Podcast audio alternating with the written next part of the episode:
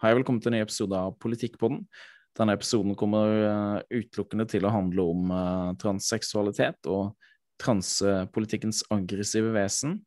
Så det er ganske mye som har skjedd på den fronten i det siste, som jeg har valgt å begrense oss kun til det denne gangen. Uh, før vi hopper inn i sakene som vi skal ta for oss, som jeg ønsker velkommen min uh, medsammensvorne podkastvert Jonas Stava. Hei, velkommen til det. Jo, takk for det. Kjekt å være her. Ja, det er godt, godt å ha deg med. Ja, sakene som vi annet skal se på, det er at PDK, altså Partiet de kristne politikere, Ingelin Losius Skeie, tok barnet sitt ut av skolen etter at de lærte om hen og født i feil kropp. Så skal vi høre på hos sin debatt på NRK Radio med Pirelli, professor Pirelli Benestad på Universitetet i Agder. Uh, så skal vi òg se litt på hva parlamentarisk nestleder i KrF, Hans Fredrik uh, Grøvan, mener om det her med født i feil kropp og kjønnskorrigerende behandling osv Skal vi se på at uh, mange, mange fanger i California, mannlige fanger da, som uh, sier at det er transer, ønsker seg overført til, til kvinnefengsler. 255, for å være nøyaktig, siden januar. Uh, og at en mann i Canada har blitt arrestert for å feilkjønne dattera si. Rettssaken kommer til å gå Han sitter i varetektsfengsel. Uh, men han ble arrestert for å kalle dattera si hun og henne. Og det var helt forferdelig, mente de. At han feil, feilkjønna henne. Vi mener jo at han riktigkjønna henne, selvfølgelig, her på Politikkbåten. Men ifølge, ifølge translobbyen, transbevegelsen, så ble hun feilkjønna. Um, han ble satt i fengsel, og rettssaken skal gå nå, jeg tror det var fra 12. til 6, 16. 16 april. Ok, Det var bare et utvalg. Vi skal se på flere saker enn det, men det var noen av dem. Ok, La oss først hoppe inn i den første saken. Skal dele skjermen med dere. Uh, ja, det var den saken om uh, om uh, om Ja, så er det Vi skal høre på det var Ingelin Losius Skeie, PDK-politikeren, om bord i Lillesand. Der jeg mener det var et barn hun har, som går i fjerde klasse, som det ble satt i en ring på skolen, og ble fortalt at uh, det var et annet pronomen som heter hen, og at det går an å være født i feil kropp. Uh, og så kom barnet hjem og fortalte det, og så hun har tatt ut av skolen. Her skjedde vel i midten av mars, uh, tror jeg, cirka, eller slutten av mars. Ok, Så det i hvert fall 20. mars, da. Det skjedde kanskje midten av mars, kanskje til og med begynnelsen av mars. Jeg er ikke helt sikker. Men rundt der omkring. Så her ser det en debatt fra 20. mars på NRK radio som vi skal høre gjennom. Da, så skal vi kommentere litt etterpå. Der hun debatterer med, med Preli Benestad.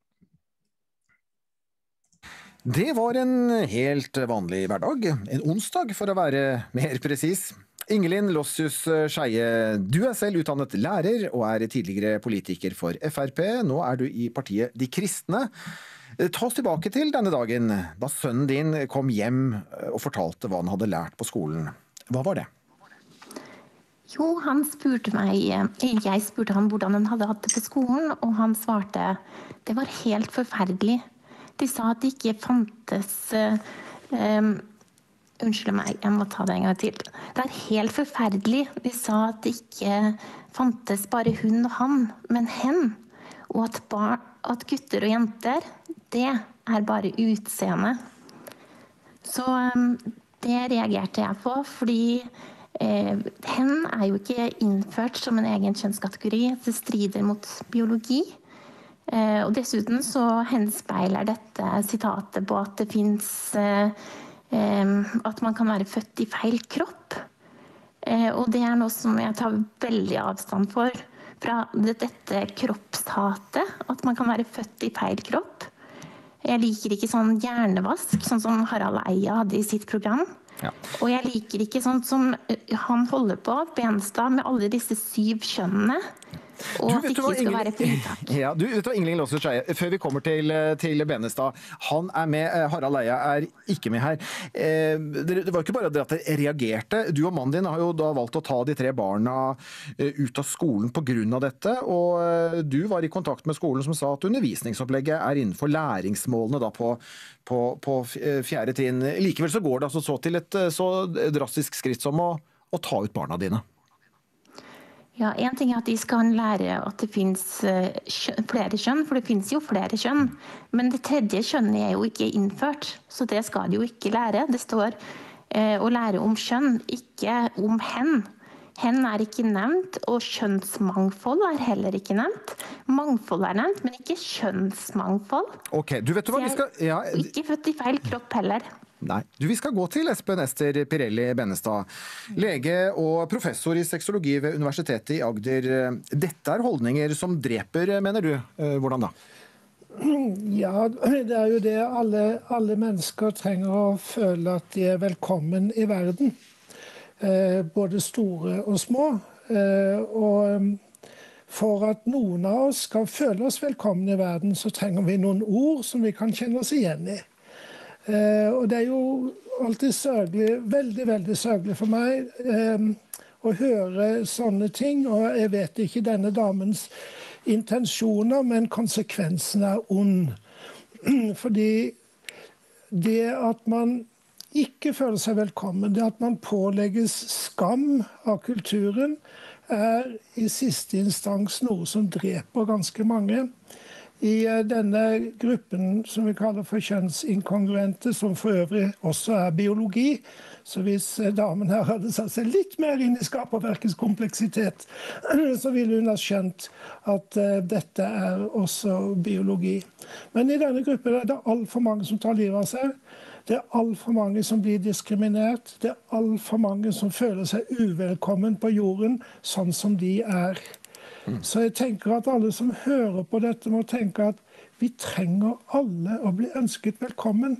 Og da trenger noen av oss ord som ennå ikke er i formelt bruk.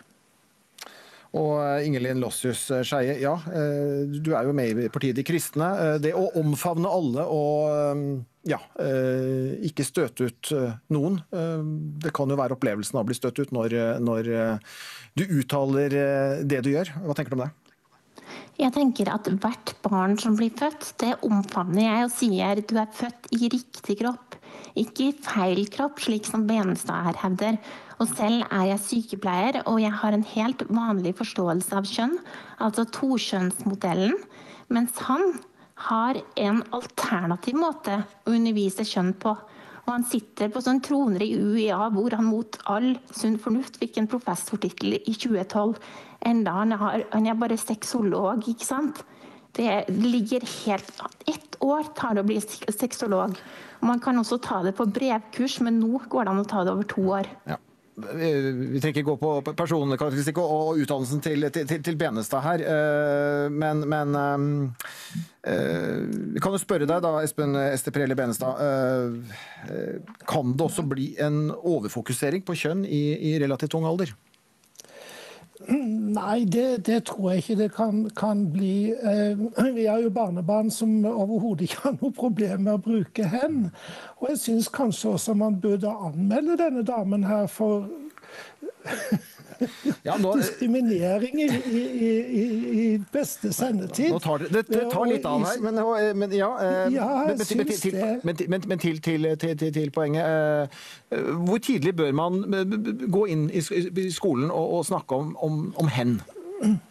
Ja, egentlig så tidlig som ungene måtte ha bruk for det. Og, og det kan være når som helst. Fordi at man når som helst kan møte et medbarn som ikke opplever å ha en kjønnsidentitet som er i samsvar med kroppen. Jeg liker heller ikke uttrykket 'født i feil kropp'. For hadde f.eks. jeg vært født i en annen kropp, så ville ikke jeg vært meg. Så jeg sier bare at noen av oss har kropper vi trenger å justere for at de kan bli gode å bo i. Så, så det uttrykket det kan, det, det kan vi være enige om. Men, men eh, ellers så sier hun så mye som jeg syns blir uh, fryktelig uspiselig og ganske diskriminerende. Ok, eh, kort til slutt. Eh, dere står litt på, på, på hver deres eh, kant. Det må jeg få svare på. Det må jeg bare få svare på. Ja. Yes, Bare det at Benestad nevner anmeldelse til meg, viser at det her er jo blitt en totalitær ideologi. Hvor det er snakk om straff og mangel på ytringsfrihet. Og hvor elever ikke kan få fritak fra merkelige fenomen som født i feil kropp og hen. Og jeg vil advare foreldre mot ung.no, som legger ut link til Benestads syv kjønn, og som anbefaler unger å fjerne pupper. Og som anbefaler unger hvordan de skal komme i gang med kjønnsblokkere som 14-åringer. Du, du, til Ingling Lossius Skeie. Eh, jeg, jeg tror, vi, tror, vi, setter strek der. Jeg skal bare, bare spørre veldig kort. Eh, svar meg på det. Eh, barna dine er tatt ut på en annen skole. Forblir de der, eller, eller kommer de tilbake til den, den offentlige skolen der hvor de gikk? Jeg regner med at, at vi får svar fra Fylkesmannen snart. Og hvis det er toleranse i norsk skole for kristne og for tokjønnsmodellen, så kan det hende at de kommer tilbake. Men hvis det er sånn at den radikale kjønnsteorien har tatt over norsk skole, så kommer vi ikke tilbake. Ok. Det er en prosess som det går der. Jeg tror ikke vi kommer videre her. Uh, uansett, takk for at dere tok uh, debatten. Litt spiss og skarp, for å si det sånn, her i Ukeslutt. Ingelin Lossius Skeie og Espen Ester Pirelli Benestad. Ja. Hva syns du, Jonas? Ja, mange ting en kan, kan, si om den diskusjonen. Men jeg syns det er kanskje mest tragiske kan jeg begynne med å si at med tanke på at han ble Benestad ble presentert som professor, så virka det veldig løye at programlederen da skulle beskrive det som en, en ugyldig ting å påpeke. Ettersom folk da som som får den beskrivelsen, da, en antar at de er kvalifiserte, har bakgrunnen da, som gjør at de har studiene bak seg til å bli professor. Så, så til at han, han, han, bare avviser det uten å kanskje gå mer inn på det. En annen ting er jo det at uh, han Benestad da Utdannelsen han da antagelig har, er at han er utdanna lege, altså han bygd på med ett år som sexolog. Uh, ut fra det hun sier, Ingelin Lucy Skjæren har ikke sjekka det opp, da, men så har han da fått en professortittel basert på det. Legeutdannelsen er vel på seks år eller noe, som er kanskje en sjuårsutdannelse. Men tydeligvis ikke noe doktorgrad. Så det kreves ja. egentlig enda mer for å bli professor. For, ved å bli, for en doktorgrad så blir det førsteamanuensis. Og det kreves jo enda mer arbeid for å bli en eh, professor, egentlig. Så ja, det virker veldig merkelig. Og det er jo helt i orden at han, han, han ikke da eh, altså har den bakgrunnen. Altså for Hvem som helst kan uttale seg om de tingene. Men når det blir beskrevet som professor, så mener jeg at det er veldig relevant det hun tar opp akkurat der, med hensyn til det du sier der. Så Ja, nei, det, det, også En annen ting er jo det at uh, i debatten så, så det å true folk, mener jeg, i, i, en diskusjon og en debatt med anmelde folk, i plassen da for å gå inn og ha en ordentlig diskusjon og, og gjør seg sjøl om til et offer. Der går du helt tilbake til Karl Marx. og Nå er Karl Marx mer opptatt av klassekampen enn en, en kjønnskampen. Men uh, du, du, har den historieforståelsen og, og, dagens forståelse i at det, det er en som undertrykker, og det er den som blir undertrykt. Den identitetspolitikken, den marxismen, er, de gjør at den som blir undertrykt, den, den, gjør seg selv om til et offer. Og Det ser du Benestad. En klassisk egentlig hersketeknikk, vil jeg si. Der en selv da gjør seg om til et offer, og, og kun påpeker den da som undertrykker. I plassen for å delta i en ryddig, ordentlig og rasjonell debatt. Hvorfor denne dama da kom til en annen konklusjon enn han. Så, så det er egentlig en, en, en, ødeleggelse, vil jeg si, faktisk, av, av, av debatten. Og det, det, det, det, det, sier da, det, er totalitært preg over det som skjer. Og En annen ting som er verdt å, å minnes, er at uh, i Kina så, så bandt de føttene til damer for at de skulle se finere ut. I, i store deler av Midtøsten og islamske land så, så har de omskjæring av kvinner. Og nå er det jo lov til å skjære ut barn i mors mage. Og, og, og, du kan altså, hvis du vil, da, skjære av kjønnsdeler hvis du føler at de ikke tilhører deg og det kjønnet du er i. Og dette er, er, faktisk i stor grad et resultat av, av at vi har avvist det kristne livssynet. eh, når en leser historien, så, så, så, så er det en tydelig parallell mellom at eh, det å skjære i kroppen sin, mener jeg, det, det pleier vi å kalle tortur. Men i dag da, så er det blitt kalt en menneskerettighet. Så når en avviser det kristne livssynet, så får en en helt annen forståelse av disse tingene. Og, menneskets verdi, og, og, og hva mennesket er da. Og, og hva rolle mennesket spiller i skaperverket. Og dermed så, så, så er faktisk vil jeg si, at dette er en, en, en logisk faktisk, konsekvens av det å avvise de, de, de jødisk-kristne verdiene. Ja, altså det er jo ganske ganske absurd da, at du skal få lov til å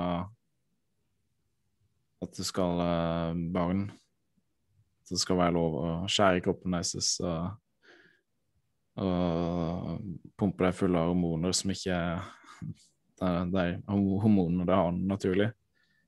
Når barn, altså barn får røyke en ta en, uh, ta en sigarett, så må de bli 18 år for å drikke et glass med øl, så må du bli 18 år.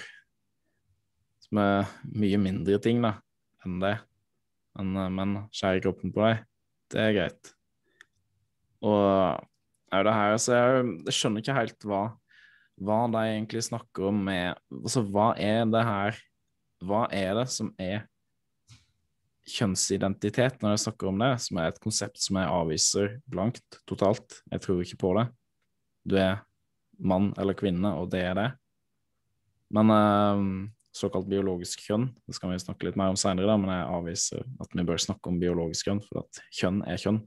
Det er det du er biologisk, og det er det du er er sjelelig òg. Men, men når jeg snakker om kjønnsidentitet, jeg tenkte før at det kanskje er metafysisk eller et eller annet. Men uh, Peli Benestad i denne diskusjonen her, så sier han at det, er- det, dette er også biologi. Eller det er jo biologi, sier han på et punkt der. Ok, Hvis det er biologi, så er jo OK. Men det vet jeg ikke. Men det, Nei, altså, jeg tror ikke at det er det. Jeg er egentlig ganske sikker på at det ikke er det. Men la oss si at det er biologi. Kroppen din er i alle fall biologi. Så det som er 100% sikkert, er at hvis du har kjønnsorganene til en gutt, så er du en gutt. Hvis du da i tillegg på et biologisk plan har en annen kjønnsidentitet enn det, så må jo det ligge biologisk inni hjernen din. Men da kan du stille spørsmålet hva er det som er mest plastisk? Hjernen eller, eller, din fys eller kroppen din? Resten av kroppen din, eller kjønnsorganene du har? Det er selvfølgelig hjernen. Jeg har ikke så veldig god greie på naturvitenskap, men jeg vet at hjernen er plastisk. Hjernen er et plastisk organ som kan formes på. Det er plastisk helt fram til du er 75 år. Så da er jo spørsmålet hva vil du da helst prøve å forandre på? Det som er mest plastisk? Eller det som faktisk er plastisk? Og særlig når du er ung, så er det veldig, veldig plastisk. Eller det organet på kroppen din som ikke er plastisk. Så hvis det er en uoverensstemmelse mellom hjernen din, si at det er biologisk, noe som ikke jeg tror på, men la oss si at det er det for argumentets skyld, og mellom kjønnsorganene dine, hva vil du da prøve å forandre på? Jo, det du har størst sjanse for å klare å forandre på, er jo hjernen, uten å operere. Så da bør jo de heller få hjelp til å forandre tankene sine, til å stemme overens med kroppen sin, istedenfor å få kroppen, istedenfor å få kirurgisk og hormonell hjelp i gåseøyne til å få kroppen sin til å stemme over med hjernen sin. Men vet du òg det som, som forelder sjøl, at barn har utrolig mange vanvittige ideer som de kommer på hele tida, og det er en forelders oppgave å stanse dem og si at det var en dum idé hvis du begynner å leke Supermann og prøver å hoppe utfor taket. Kommer opp på en stor stein og har lyst til å hoppe utfor, for at jeg tror det er Supermann. Som barn kan gjøre, forresten. Som er ekstremt farlig hvis de får på seg super, eller får seg på, på seg et kostyme der det er en superhelt. Så er det barn som hopper ned fra kjempehøye steder og skader seg. Så må du si til deg stopp, stopp, stopp. Du er, du er faktisk ikke Supermann. Det er bare et kostyme. Ikke hopp ned fra den store steinen. Ikke hopp ned fra taket. Barn har veldig mange vanvittige innskytelser som går over. Barnet ditt kan plutselig si en dag 'Jeg er jente'. Hvis du har en gutt eller en, eh, en jente som sier at 'jeg er gutt', da er det din oppgave som foreldre å si 'wow, wow, wow, du er ikke det'. Slapp av. Ikke gjør en stor sak ut av det, eller et eller annet, sier ikke det, men bare sånn rolig si 'ja, ja, du er jo ikke det', liksom bare. Så gå videre. Det er jo din oppgave som forelder det var helt vanvittig, tenker jeg, og skadelig for barnet å si da, hvis plutselig barnet ditt sier at det er er gutt, du har en jente, og så sier jeg bare stanser liksom helt og bare sier Er du det? Virkelig? Oi, dette må vi undersøke mer. La oss gå og bytte ut alle klærne dine. La oss uh, late som at du Eller måtte kjøre på videre med det hele denne dagen her. Ja. Og kjøre på videre med at du er andre, et annet kjønn enn det du sier det. Så vil jo alle normale foreldre tenke at det er jo det er å skape en vanvittig utrygghet hos barnet. Barn trenger trygge, faste rammer. Det er jo selvfølgelig en, en utrolig dårlig omsorgsutøvelse. Spør du meg, det er intuitivt, så en vet at det er det. Er du enig med meg som far sjøl, eller hva tenker du? Jo, altså, jeg er helt, helt, helt enig i det. Og jeg, jeg tror nett, nett- nettopp det du, det du sier, det første du sa, det var at eh, det er på en måte at, at hjernen da at det, det er mye enklere å, å forandre det som skjer i det. Altså det er mer elastisk Plastisk. Og- og- Ja, elastisk. Jeg kan bruke begge ord. Enn en, en det kroppen er. Og, det det som er med, med, med denne kjønnslæren som er blitt akseptert i dag, er at den minner veldig om gnostisismen, som da var ei, ei, ei, ei, lære da, som eksisterte, eller en religion vel egentlig. Den, det er jo ikke lett å definere det alltid. I Romerriket, da, det var ofte den største motstandsideologien da, til, til den, det, tidlige, det tidlige kristne. Og, og det som var da at den greske dualismen En kan tenke på Sokrates når han drakk giften. da, så sånn at nå ble endelig en, eh, denne ånden min, eller sjelen min, ble frigjort fra kroppen, da, som var sett på som et fengsel. Så grekerne hadde eh, ofte en, en veldig lik forståelse faktisk av kroppen ble sett som et fengsel, som, som, som vann oppi et glass, der, der du tømmer vannet ut. Eh, at da, en ble rett og slett fri fra fengselet. Gnostisismen da var det at det mentale og det åndelige det definerte eh, det, det, det, det fysiske. Og, og dermed da så, så var kroppen sett på som noe som du måtte frigjøres ifra.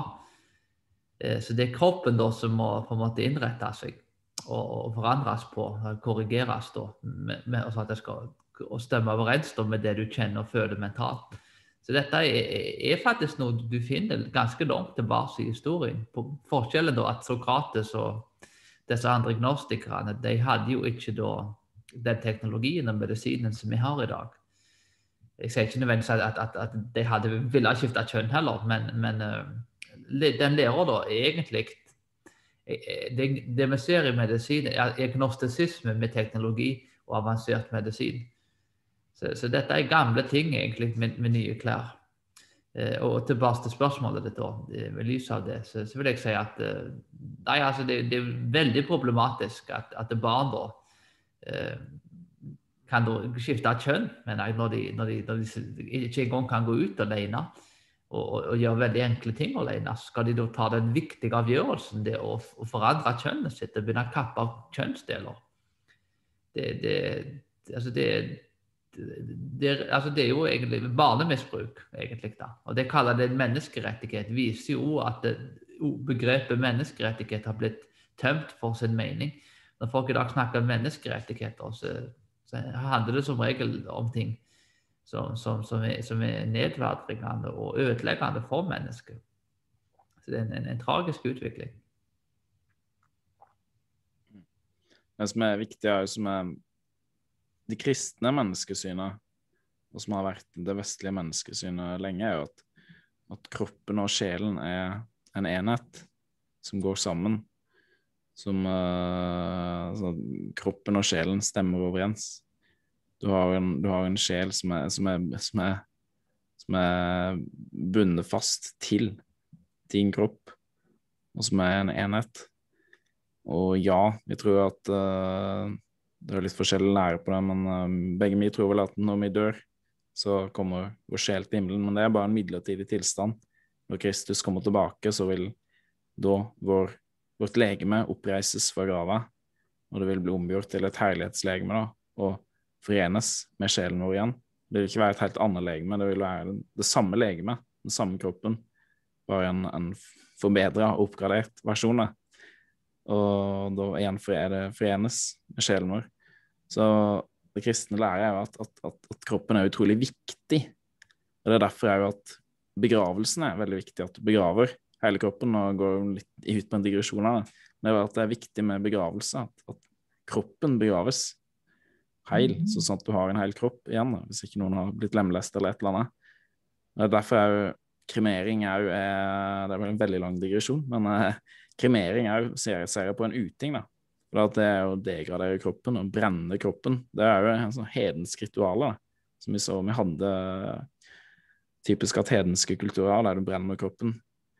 Der kroppen ikke blir sett på som viktig, men det er viktig at kroppen vaskes fin og rein, kles med de beste klærne du har, legges fint i kista og begraves da vendt mot øst.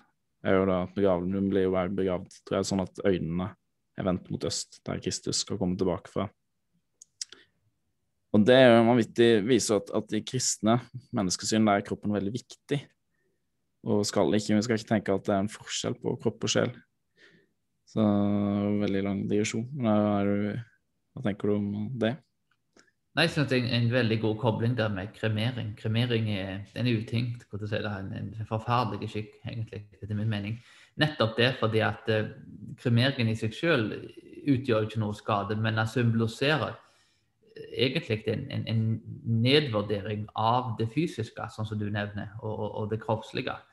Og det, dermed så, så, En kan gjerne tenke på at de plassene der de da kremerer og har kremert historisk, har ikke vært plasser som har utvikla menneskerettigheter. Og har utvikla rettigheter der, der, kroppen har blitt ivaretatt. Det er ikke kulturer som har behandla kvinner bra. Det er ikke kulturer som har behandla medmennesker på en positiv og god måte. Så, så det er en tydelig kobling mellom kremering og nedverdring Det at det blir gjort nedverdringende ting med kroppen. Så De to tingene går faktisk hånd i hånd. da. Så Det, det er en viktig faktisk symbolsak. Eh, bare det at vi opprettholder og bevarer det bare med, med, med gravferd, og at en, begraver den fysiske kroppen. Fordi at den fysiske kroppen skal stå opp igjen. Og det, Om vi er kristne eller ikke, så, så, er det faktisk en, eh, en ting som, som påvirker måten vi ser virkeligheten på. Mm. Går gå videre til en annen sak her. Det er parlamentarisk nestleder i KrF, Hans Fredrik Røvan, har skrevet en uh, artikkel i Dagen. Jeg skal bare dele skjermen her. Der eller parlamentarisk nestleder i KrF, Hans Fredrik eh, Grøvan, er fra Kristiansand, tror jeg. Han skriver at uh, det tradisjonelle synet på kjønn er KrFs syn. Der skriver han blant annet Han taler med to tunger, egentlig, i denne artikkelen. Han skriver at uh, ja, dette er viktige spørsmål for, for KrF, og jeg mener det er viktig at KrF har en tydelig stemme i debatten. KrF har en tradisjonell tilnærming til kjønn, der det er ditt biologiske kjønn som definerer om du er mann eller kvinne. Dette er grunnleggende vår tilnærming til temaet. Ja, det høres jo ganske bra ut. Uh, kunnskap i skolen er viktig. KrF mener vi må styrke lærerens kunnskap om kjønn, kjønnsidentiteten. Styrke lærerens kunnskap om kjønnsidentitet. Nå begynner det å bli litt merkelig her. Og seksuell orientering slik at de kan kjenne seg kompetente og trygge i formidling av kunnskap og holdninger på dette området. Uh, bla, bla, bla. Bla, bla, bla. Bla, bla, bla. Uh, ja, vi anerkjenner at det er mennesker som er født i feil kropp. Dette skal vi ha respekt for, og vi ønsker at de skal få et godt behandlingstilbud. Hm? Anerkjenner at det er mennesker som er født i feil kropp? Nå er jeg uenig. Jeg tror ingen mennesker er født i feil kropp. OK. Greit. Uh, videre her så skriver han For de unge er vi opptatt av at foreldrene involveres tidlig, slik at barna har gode omsorgspersoner å støtte seg støtte seg til underveis i behandlingsløpet. Altså i kjønnsskiftebehandlingsløpet, da. Så her sier han da at, uh, at implisitt at uh, unge Her skriver han om foreldre, så det er jo garantert egentlig ja, ungdom. Jeg vet ikke hva han tenker på, men det virker jo som det er personer som er 13-14 år, eller et eller annet sånt. kanskje enda yngre, men la oss si 13-14 år, at de bør få lov til å, å såkalt skifte kjønn. Noe som du for øvrig umulig kan, egentlig. Så du kan, om, du kan gjøre ting på kroppen som gjør at du ser ut som et annet kjønn enn det du egentlig er, men du forandrer jo ikke på kromosomene, som enten da er IX eller XX. Så håper ikke jeg sa noe feil med IX er når du er mann, altså XX når du er kvinne. Uh, OK. Ja. Så er det bla, bla, bla, bla, bla, bla. Ja. Um, ja. Virker det som uh, Det var vel du som påpekte det før sendinga, så stjeler jeg ditt poeng. Det virker som han, han, prøver å holde døra åpen. da. Han prøver å se, se, hvor vinden kommer til å blåse, og se hvilken side som vinner. Så her kan han peke tilbake på den artikkelen og si at se, jeg var jo enig med det senere. Han, han tør ikke å ta et skikkelig standpunkt da. her. Så han er vag med vilje, og han uh, snakker ut av ja, begge sider av munnen sin. Så ja, hva tenker du om uh, dette her innlegget her av Hans Fredrik Grøvan? Ja, nei, du, du det, er typisk politiker, kan du si. Du jo, jo, mer du snakker, jo mer ender det opp med å forvirre folk. Så sier du, du, du sier begge deler i artikkelen. Og så, og så, ja, så, så, da, så går han tilbake senere og sier at han, han, han, dette har han sagt, sagt før. Men uh, det er jo selvmotsigende, det han sier. Så jeg, jeg, jeg, ble ikke noe visere av å lese den, den artikkelen jeg ble mer forvirra. Hva han egentlig mener. Ja, altså den er jo egentlig jeg vil si at han, han, han, han forråder sin base, altså KrF-basen. Jeg er ikke helt sikker på nå lenger, men i hvert fall før. Og jeg tror jeg de fleste som stemmer KrF nå, det er jeg ganske sikker på, er, er ville være helt imot at, at, barn skal kunne få lov til å gjennomgå såkalt kjønnskorrigerende behandling. Det, det er et uttrykk som jeg for øvrig mener at, at vi ikke bør bruke. Vi bør kanskje heller bruke kjønnsfeilkorrigerende behandling, eller bare kjønnsskiftebehandling, for å være litt mindre infl inflammatorisk. Men uh, For du korrigerer ikke noe som helst. Du gjør heller noe, en urett mot din egen kropp. Men, uh, men altså at dette her bør være til de fleste som stemmer KrF, vil si at det bør være minst 18-årsgrense, muligens 25-årsgrense til og med, eller noe imellom der. Så han går imot sin egen base, han forråder egentlig sin egen base. Men uh, det er sånn man ofte ser med politikere, og Thomas Sowell eh, som uh, sa at uh, har skrevet at uh, for å skjønne politikere, så må du skjønne at deres første prioritet er å bli valgt, er å bli valgt, og deres andre prioritet er å bli gjenvalgt. Og hva som helst som kommer på tredjeplass på den lista, kommer langt langt nedenfor det som står på nummer én og to. Så Nei, det er veldig, veldig veldig skuffende, det som står her. i hvert fall. Vi kan hoppe videre til neste sak. Her er det jo eh, Arkansas. Så, KrF, eh, så dagen er skrevet en sak om Arkansas, der de uh, den lovgivende forsamlingen i staten Arkansas i USA, som ligger i sørstatene, har lagt ned forbud mot kjønnsskiftebehandling av barn. Det er lagt, satt aldersgrensen til 18 år. Uh, dagen hadde jeg en sak om det der jeg skrev at det her hadde gått gjennom, noe som er feil. Fordi guvernøren la ned veto mot det politiske vedtaket. Han ville ikke at det her skulle gå gjennom. La høre. Han var, gikk på Tucker Carlsons show. Uh, det her er da et klipp fra Michael Knowles sin podkast, uh, som jeg for øvrig anbefaler veldig veldig sterkt å høre på. Du kan finne på YouTube eller på Spotify eller hvor som helst. Uh, Iallfall her spiller han her fra Tucker Carlson sitt show på Fox News, der han uh, guvernøren i Arkansas er på besøk og forklarer hvorfor han la ned veto mot denne loven. Det er bare et kort klipp. La oss høre det. Why do you think it's important for conservatives to make certain that children Oi, can Beklager, jeg har satt opp hastigheten på det her klippet. Jeg kan sette den ned til normal igjen, og så spole litt tilbake. Decision.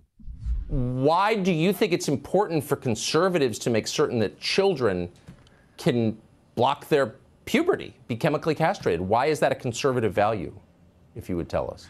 Well, first of all, you have parents involved in very difficult decisions. You have physicians that are involved in these decisions. And uh, I go back to William Buckley, I go back to Ronald Reagan, the principles of our party, uh, which believes in a limited role of government. Are we, as a party, abandoning a limited role of government and saying we're going to invoke the government decision making over and above physicians, over and above health care, over and above parents, and saying uh, So you can't so do you that? believe it's Uh, you cannot engage How- how in that. much- Will Ja. Ja, hva tenker du om det, er Jonas? Hans, eh, hans resonnement om at eh, vi må liksom, begrense Vi må ha en liten stat, en begrensa stat, må ikke blande seg så mye inn i, eh, i private anliggender. Så derfor så vil ikke han at dette her politiske vedtaket skal gå gjennom, som han da stansa fordi at det her fordi at han mente at ja, for et eller annet krenka et eller annet privatlivets frihet. Ja, Og så mente han da at eh, William F. Buckley er konservativ tenker på jeg vet ikke helt når, var på 50-60-tallet, som er veldig kjent, og da Ronald Reagan, som var president på 80-tallet, republikaner, mente at de, de ville ha støtta han. Ja, altså jeg, jeg tror nok at vi må skille mellom en sterk stat og en, og en liten stat. Eh, jeg, jeg tror nok, altså Ronald Reagan var jo med å bekjempe Sovjetunionen og sto i spissen for det. Så jeg antar ikke at Ronald Reagan eh, hadde støtta en, en, en svak stat. Hadde han gjort det, så hadde jo ikke Amerika vunnet kampen mot Sovjetunionen. Det var jo nettopp Styrke var jo en av de tingene som gjorde at de vant. Så, så Selv er jeg en, en sterk tilhenger av en, en sterk stat. Jeg vil ikke ha en svak stat. Jeg vil ha et sterkt militær, jeg vil ha en sterk stat, men, men jeg vil at staten skal være liten. At, eh, at det skal ha stor økonomisk frihet da, i, i staten.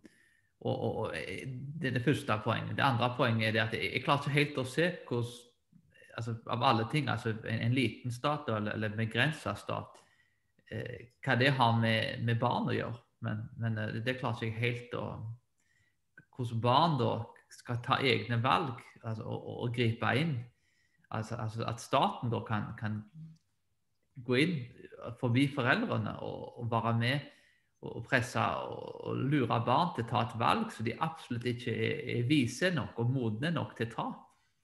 Så, så, hvordan han klarer å blande da, en, en begrensa stat, Ronald Reagan og, og Buckley, hadde garantert vært uenige med ham. Det, det er nesten 100 overbevist om. Så hadde de levd og, og hørt det han sa, jeg, så hadde de vært totalt uenige med han.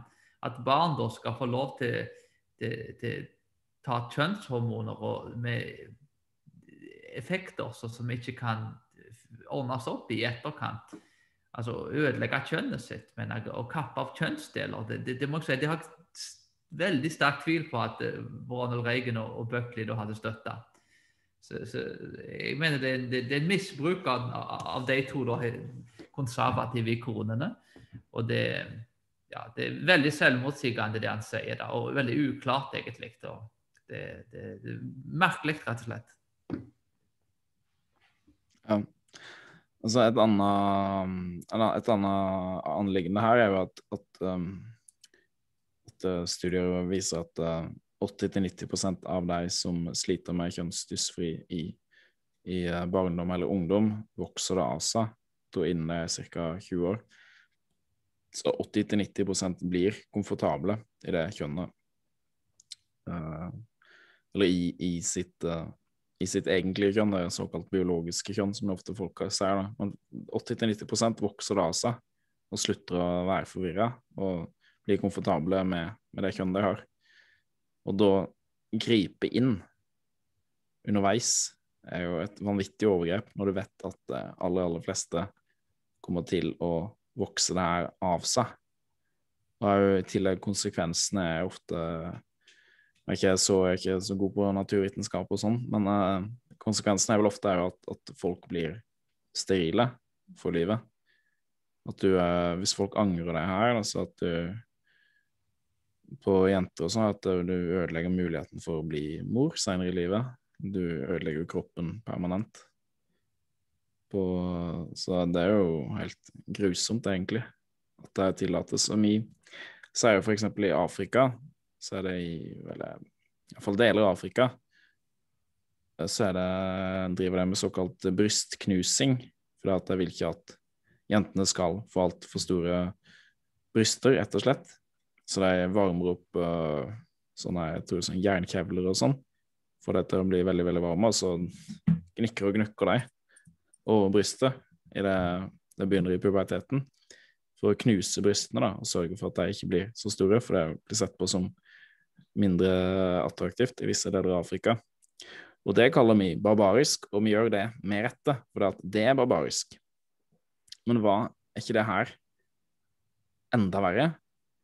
Så brystknusing er forferdelig, men du steriliserer iallfall ikke folk. De opprettholder alle normale funksjoner seinere i livet med kroppen, men ved å drive på med det her som vi driver på med nå, i Vesten, så ødelegger vi kroppens normale funksjoner senere i livet. Så, men vi har jo sam, samtykke, da, som er sånn her eh, religiøst preg over, nærmest. Det er samtykke til pratet. Så selvfølgelig, hvis en 13-åring vil skifte kjønnet sitt, så hvis de samtykker til det, så skal vi høre på det. Kanskje en 13-åring ikke skjønner hva det innebærer, og ikke bør ha samtykkekompetanse i det hele tatt til å avgjøre det, akkurat som uh, Mia, som seksuelle lavalderen er 16 år. Hvorfor skal det da være lavere? Det bør være høyere da, for å skifte kjønn, jeg sier ikke det. Men uh, når vi sier til og med at for å kunne ha sex, så må du være 16 år, for du skjønner ikke hva samtykke innebærer, så bør en iallfall ikke kunne skifte kjønn tidligere enn det. En bør heller ikke gjøre det når en er kun 16 år. Eller mener mener at det bør være minst 25 års aldersgrense. Jeg er faktisk litt i tvil sjøl på om det burde bare være rett og slett helt forbudt. Men uh, i alle fall 25 års aldersgrense, mener jeg. Så jeg jeg tviler om, jeg, om det bør være helt forbudt. Men, så det bør jeg nesten bare si på en annen podkastepisode hva jeg mener om det. Men uh, 25 års aldersgrense, det mener jeg at det bør være, i alle fall. Ja, absolutt. Det, det, nei, det er en uh, det er jo litt interessant nettopp det at det, at det, at det var nettopp KrF som var med og fikk inn den loven, der barn da eh, eh, har lov til å skifte kjønn da, og, og, religion. Så det er jo litt, litt interessant da, at av alle partier at det var KrF da, i lag med Arbeiderpartiet som var med og fikk gjennom den loven. Og det, det at eh, Med tanke på at altså, ser rent bibelsk på det, så det å hedre, du skal hedre din, din far og din mor. Det, så da er det fjerde budet. Og eh, det står ikke at barn skal, skal hedre staten. Eh, det står at de voksne da skal, skal altså på vegne da, av familien vise en viss ære da, til, til, til, staten. Men, eh, men, men barnet er, er, under foreldrene sin autoritet. og Selvsagt hvis foreldrene da behandler de rett og bra, som da det for, for foreldre da flest gjør. Men, men her ble foreldre altså straffa for, for, å være med og, og forhindre altså Kan bli lovlig straffa, til og med satt i fengsel for å være med og forhindre at, at, at, at staten griper inn og begynner å, å, skjære av kroppsdeler av barn. Så det, det er jo en uh, altså det, Igjen, altså det var det du nevnte med, med unge jenter også, som ble frarøva muligheten til å få framtidige barn. Altså de, de, de, kan ende opp med å bli sterile for livet og får aldri lov til å oppleve den gleden da, å bli mor.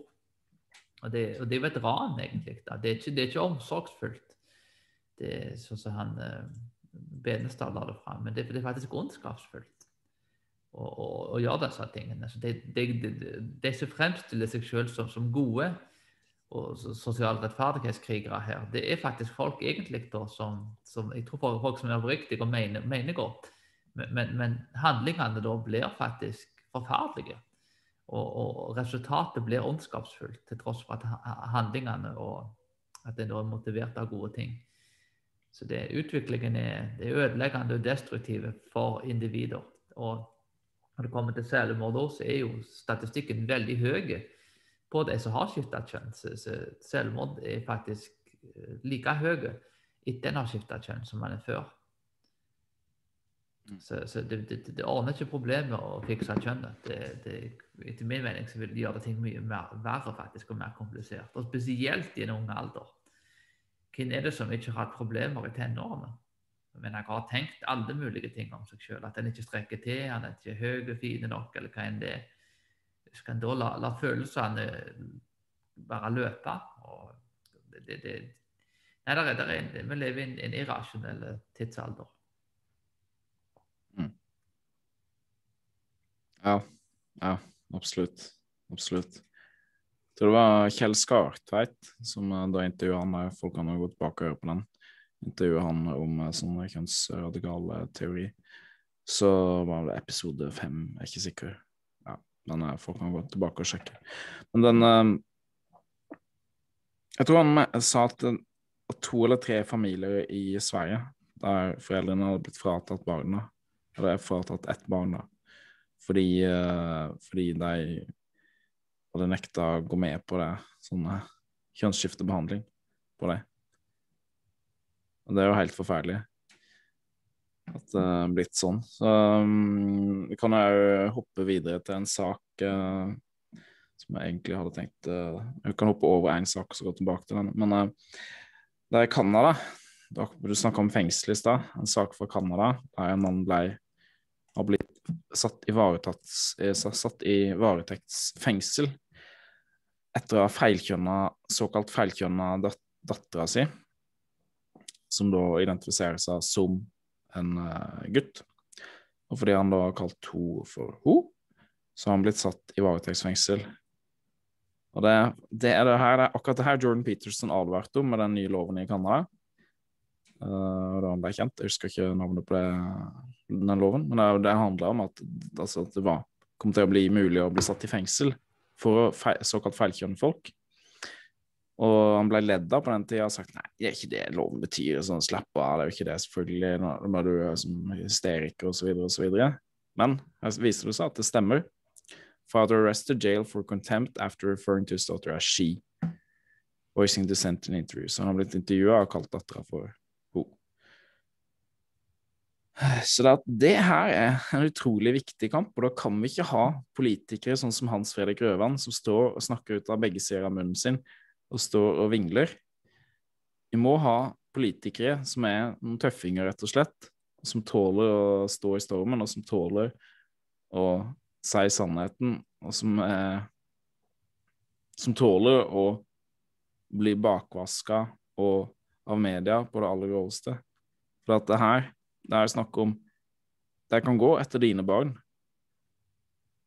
Hvis du får et barn som sliter med å føle seg komfortabel med hvem han eller hun er, så kan du på sikt i Norge òg sikkert bli arrestert hvis du nekter å gå med på et behandlingsløp. da. Behandling av det her. Hvis de søker såkalt hjelp hos en helsesøster eller et eller annet som er positiv til å drive med kjønnsskiftebehandling på barn-ungdom. Rettssaken skal da gå fra 12. til 16. april nå snart. Så ja, det blir jo spennende å se hva som skjer. Han er iallfall varetektsfengsel. Hva synes du, Jonas? Ja, nei, det, det som sier med Pilarsen, da, det var jo nettopp det han advarte mot. Det var den der Bill eh, C16 ja, C16, jeg tror det var. Stemmer.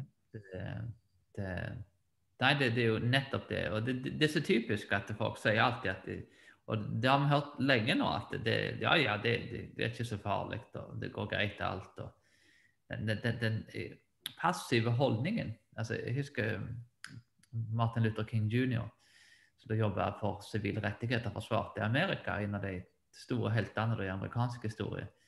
Og jeg husker jeg sa at det, han mente da at det var den hvite moderate da, som var eh, ofte et, altså problemet. Personen som satt på gjerdet og, og, sa at alt var greit og det er ikke noe problem. Personen som var verken for eller imot. Og, og, likt blir det vel egentlig her, kan jeg si. at det, mange, det er masse folk her som egentlig eh, da mener at det, det, er ikke så gale. Det, det, det kommer ikke til å bli så, så ekstremt. Egentlig med å tillate at dette skjer. Altså Ondskap kan kun vokse av seg frem når, det, når gode folk sitter og gjør ingenting. Det er masse folk som, som, som er imot dette. Jeg vil si at i, i vår verden så er dette noe folk flest er imot. Likevel så, så, så er folk i eh, sentrale posisjoner og trer disse tingene igjennom. Uten at det er noen som helst form for motstand. Og det, det, det må en gjøre noe med, altså. For det, det, er en veldig sløv holdning som tillater at dette her kan skje. Og Dette er egentlig et eksempel på hva vi har i vente her i Norge og i, i andre land, og spesielt i, i Vest-Europa. Det virker som, som land i Øst-Europa og, og, tidligere Sovjetunionen i, i Russland at de virker til å være mye mer redde for disse tingene enn vi er. Det virker til å være mer politisk frihet i, i Polen og i Øst-Europa enn hva du har i Vest-Europa i dag. Det, dette er jo da land som har lært hva det har betydd å være under kommunismen og marxismen. Og de, de, vil ikke ha noe med disse tingene her å gjøre i samme grad som oss. Så, så denne gangen så, så er, det, er, det, vår tur kanskje å, å lære av, av, av Øst-Europa og Russland og de feilene de gjorde. Men uh, det virker ikke som vi har lært så veldig mye av det. Mm. Ja. Nei, altså, dette er, dette er realitet.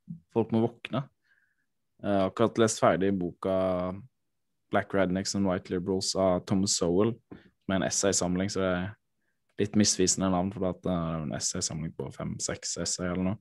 Men ett av essayene som han har i der, er, heter um, 'Germans and History'. Nå snakker han en del om andre verdenskrig og hvorfor den kunne skje. Ikke bare det, men en del om det.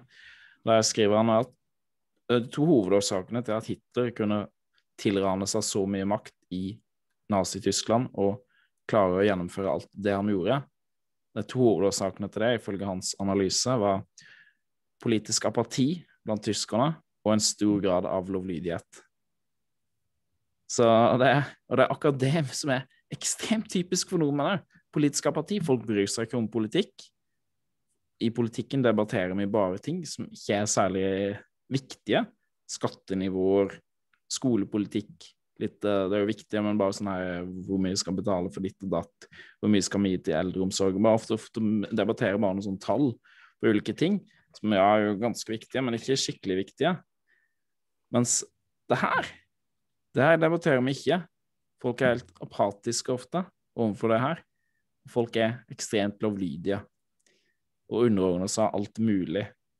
Bare gå videre og ville helst ikke være annerledes, og bare ønsker å bli sett på som snille og gode av andre medborgere. Så det er utrolig farlig. Altså, det, det her kan skje, og jeg tror at hvis ikke folk våkner, hvis ikke folk taler imot det her og tør å heve stemmen sin mot det her, så kommer det òg til å skje. At folk kommer til å bli fengsla i Norge fordi at de såkalt feilkjønner barna sine og nekter å la barna sine bli kastrert, rett og slett. Nekter å la barna sine bli kjønnslemlesta av barbariske leger. Så Nå sier jeg det litt på en, på en, grov måte, men altså, det er det som skjer. Um, vi kan gå videre til neste sak, Jonas, hvis ikke du har flere kommentarer. Jeg kan bare gå videre. Nei. Jeg har et annet, annet eksempel på konsekvenser det her har hvis folk ikke sier ifra, hvis ikke folk tør å si ifra det, uh, om det her. Kvinner lider allerede i sport.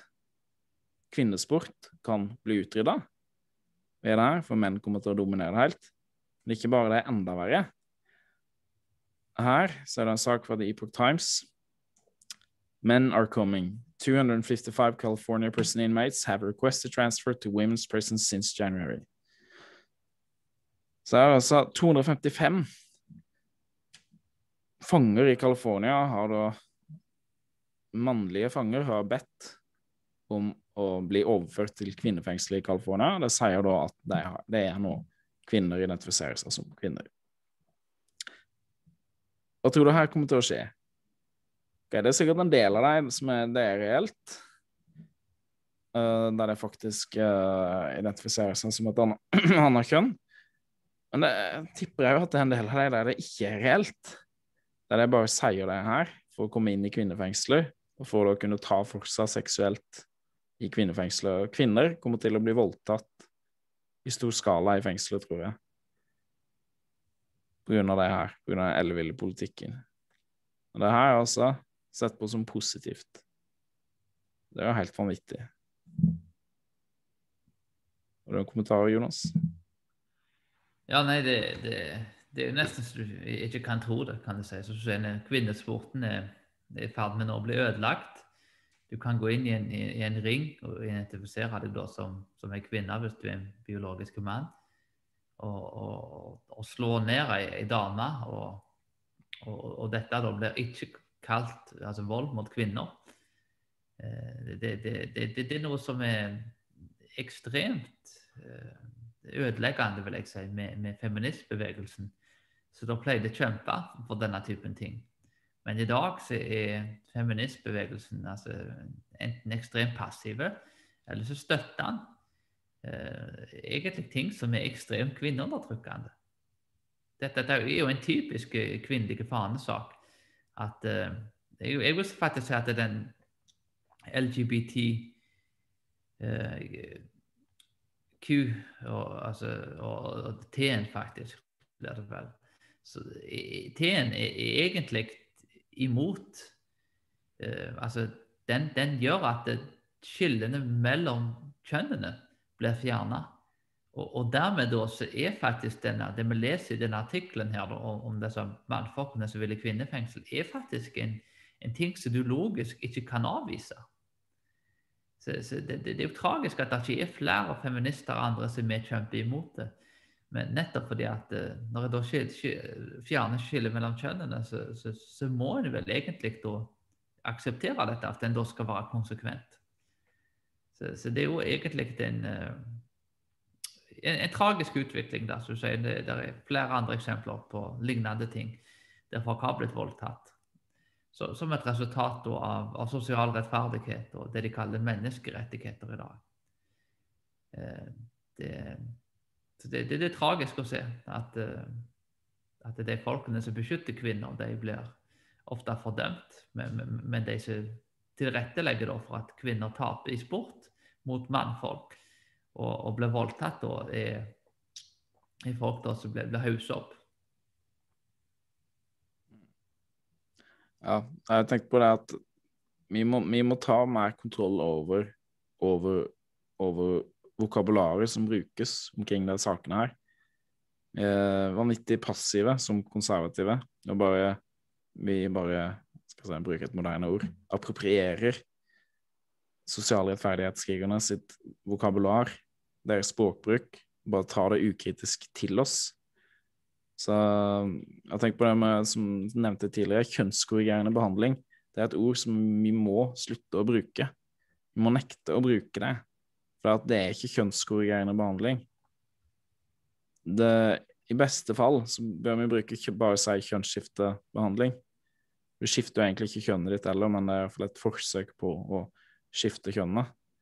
Der du får kroppen til å virke, ligner mer på det kjønnet som du da sier du identifiserer, identifiserer deg som. Men det er kanskje enda mer korrekt å snakke om kjønnsfeilkorrigerende behandling. Men iallfall kanskje bare for å ikke være for inflammatorisk kjønnsskiftebehandling, men iallfall ikke si kjønnskorrigerende behandling, for du korrigerer ikke noe som helst. Du gjør jo heller det motsatte. Du har et kjønn, og så, og så ødelegger du egentlig de uh, kjønnsorganene dine, rett og slett. Uh, et annet begrep som folk må slutte å bruke, det er LHBTI. Slutt å ta med den i-en. Det er interkjønn Folk har aldri bedt og vil ikke være med i den i, i det, de, de, de bokstavene der. Det er jo da Det snakker jo om interkjønn, som er når du er født med uklare kjønns, ytre kjønnskarakteristikker. Og det, det er noe helt annet enn transbevegelsen. Der er det jo det er noe helt annet enn den transideologien. da. Og det, I Norge så er det 10-15 stykker som blir født hvert år, som har uklare kjønnskarakteristikker. Og av da så i fjor, ja, Vanligvis hvert år så blir det født ca. 50 000-60 000 stykker i Norge. Og av dem så er det da 10-15 stykker som har uklare kjønnskarakteristikker. Så det er en helt forsvinnende liten eh, andel av alle som blir født det her gjelder. Så det har absolutt ingenting med transeideologien å gjøre. Absolutt ingenting med det å gjøre. Så det er selvfølgelig det er et avvik fra naturens side. Og de folka som da er født med uklare kjønnskarakteristikker, vil helst ha minst mulig oppmerksomhet rundt det. Og da blir ofte Det er jo litt det er vel ofte at du da blir avgjort hvilket kjønn du sannsynligvis er, så blir du operert litt på osv. Men det, det har i hvert fall ingenting med det å gjøre, så det er egentlig bør man bare utelukke det helt fra diskusjonen. Um, ja, En tredje ting vi bør slutte å bruke, mener jeg, da, uh, det er uttrykket biologisk kjønn. For ved å si biologisk kjønn, så, så anerkjenner vi at det finnes at kjønnsidentitet er et, et, et, et, reelt konsept, noe jeg mener det ikke er. Uh, sier ikke at folk ikke skal ha retten til å si at de er et annet kjønn enn det er, og kle seg som et annet kjønn enn det det er, osv. Det skal de få lov til hvis de vil. Men ikke tving meg til å gå med på det, at det er reelt. Jeg mener at det er mennesker som da som, som tar feil. Men, men jeg bør slutte å bruke det, for du er mann eller kvinne, enkelt og greit. Mann eller kvinne. Eller gutt eller jente. Så er det um, Enkelt og greit. Vi trenger ikke å legge til biologisk foran, tenker jeg. Uh, hva tenker du om det, Jonas? Ja, helt, helt enig der. Man må ta kontroll over ordene, sånn som du nevner. Språkbruken er Og det har vel ofte de som står bak denne bevegelsen, har vært ekstremt gode da, på å redefinere språket vårt. Så vi må absolutt være veldig påpasselige på ordene vi bruker, og, og, og, og måten ting blir definert på. For uh, den som kontrollerer språket, den kontrollerer i stor grad virkeligheten. Og dermed er, kampen om ord en, en, en viktig kamp som må, må kjempes. Et annet, et annet begrep som jeg tenkte på nå i stad, som jeg ikke snakka om før vi begynte sendinga, så jeg er ikke sikkert du er enig med meg i det. Men uh, det begrepet tokjønnsmodellen. Det har jeg sett mange i Norge som forfekter klassiske syn på kjønn, og de snakker om at vi må beholde tokjønnsmodellen, at det er en god modell. Men jeg mener jo at vi må, bør slutte å bruke det ordet, det begrepet der. Når du snakker om, om en modell, så snakker du om en teori og så da, da, anerkjenner du at det her er på en måte bare et teoretisk rammeverk for å forstå virkeligheten. En tokjønnsmodell et teoretisk rammeverk for å forstå virkeligheten, men det er jo ikke det. Så det er heller tokjønnsrealiteten vi Brelle snakker snakke om. For det er en realitet at vi har kun to kjønn. Og så er det det med interkjønn, som gjelder noen ekstremt få. Men det er jo da selvfølgelig et avvik. Helt klart. Oi, beklager. Most, så vet jeg, har noen tanker om det Jonas? Ja, nei, det er et godt poeng. Jeg hadde tenkt på det på den måten før så du beskrev det, men jeg synes det er et veldig godt poeng. Ja da, jeg Ja, det, altså tokjønnsrealiteten. Det, det er jo et, et, mye bedre måte å si det på. Og det, ja, Kanskje du kunne sendt inn et forslag der. Det, for det, det, er jo nettopp det det handler om. Det handler om de som innretter seg og, og innordner seg realiteten og virkeligheten sånn som den er. Og de da som fornekter virkeligheten, og, og, vil da vektlegge sine egne fantasier og presse det inn i virkeligheten. Eh, og det viser jo hva som skjer når, hva, altså når en da avviser at det er naturlover.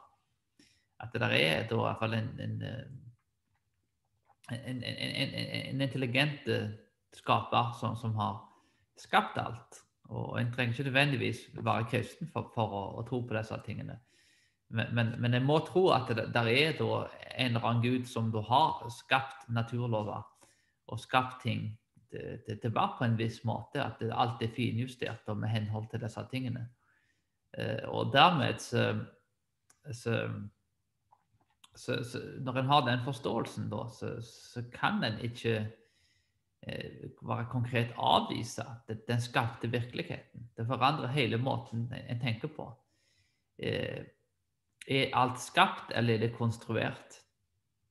måten en svarer på de to spørsmålene på, vil, vil være veldig avgjørende for hvor en ender opp senere, med måten en utvikler teorier på. Og virkeligheten er, er skapt, den er ikke konstruert.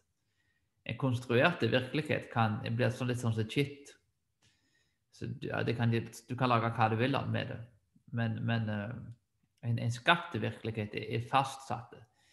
Der, der uh, ting er på en viss måte. Og noe så tydelig da som kjønn. Og jeg tenker ofte at uh, dattera mi si, hun, hun sier jo da at pappa er en mann og mamma er en dame. kan du si. Og, det, det, er jo noe ekstremt forunderlig over et samfunn der en treåring forstår ting som universitetsprofessorer ikke klarer å forstå. Barn forstår det. Du trenger ikke indoktrinere dem engang. De, de vet forskjellen på kjønnene.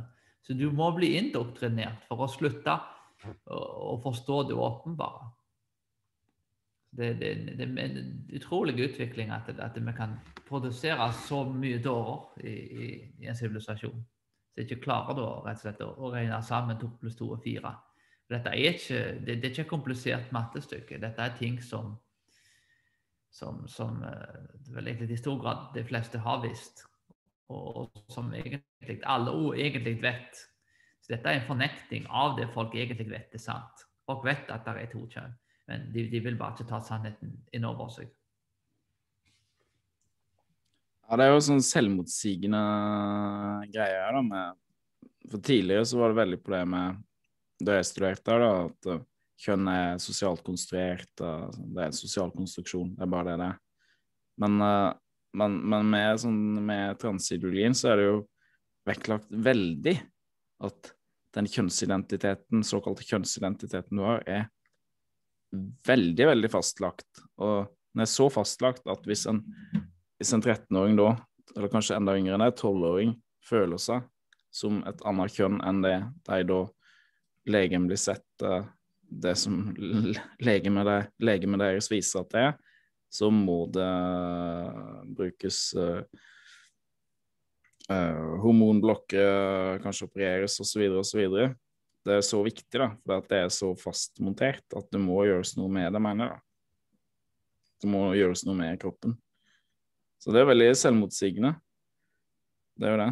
Samtidig som det snakker om at du kan ha flytende kjønnsidentitet og så videre, og at du er homofil eller heterofil eller hva det er, det kan jo være flytende osv. Så, videre. så hele greiene virker jo bare som et sånn sammensurium, men det virker ikke som det er noe logikk bak. Tror du at det er meint at det skal være en logikk bak, eller tror du at det er meint at folk bare skal være forvirra, og at det er egentlig meninga at, at, det ikke er noen logikk bak, at folk bare skal ikke greie å tenke logisk gjennom det? At det er en del av poenget å få folk til å bli rett og slett dummere og akseptere ting som er selvmotsigende?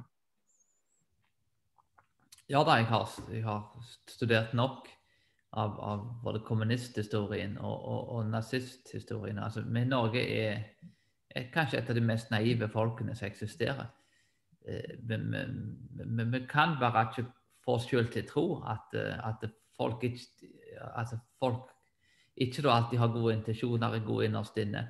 Mens i realiteten så, så, så er det store muligheter i, i, alle våre hjerter til å utføre veldig mye godt, men også utføre veldig mye ondskap og, og, og påføre menneskeheten dårlige og negative ting. Tyskland var det best utdanna landet i verden. Hadde beste kunsten, beste musikken. Og holocaust, igjen, som jeg har sagt så mange ganger før, det ble produsert av professorer.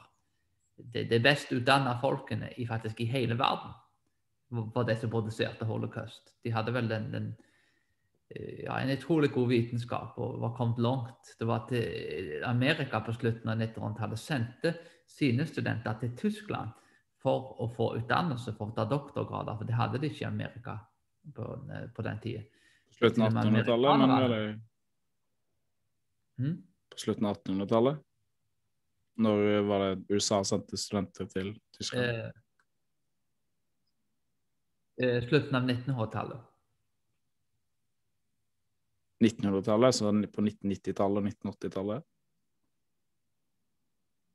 Eh, jeg tenkte i, altså 1880, 1890 og år 1900. Ja, på slutten av 1800-tallet. Eller på slutten av det 19. århundret, da.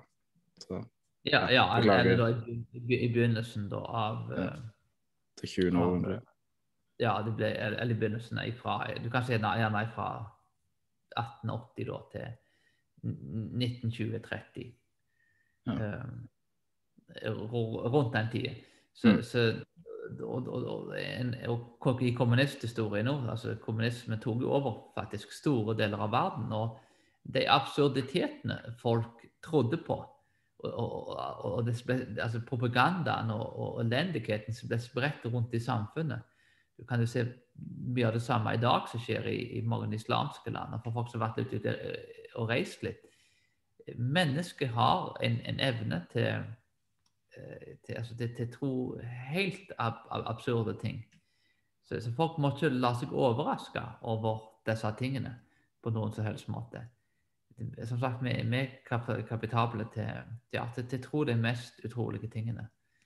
Så, så, så, dermed så, må vi på ingen som helst måte tenke at uh, disse tingene da ikke, ikke kan skje her, og at utviklingen ikke, ikke kan bli verre.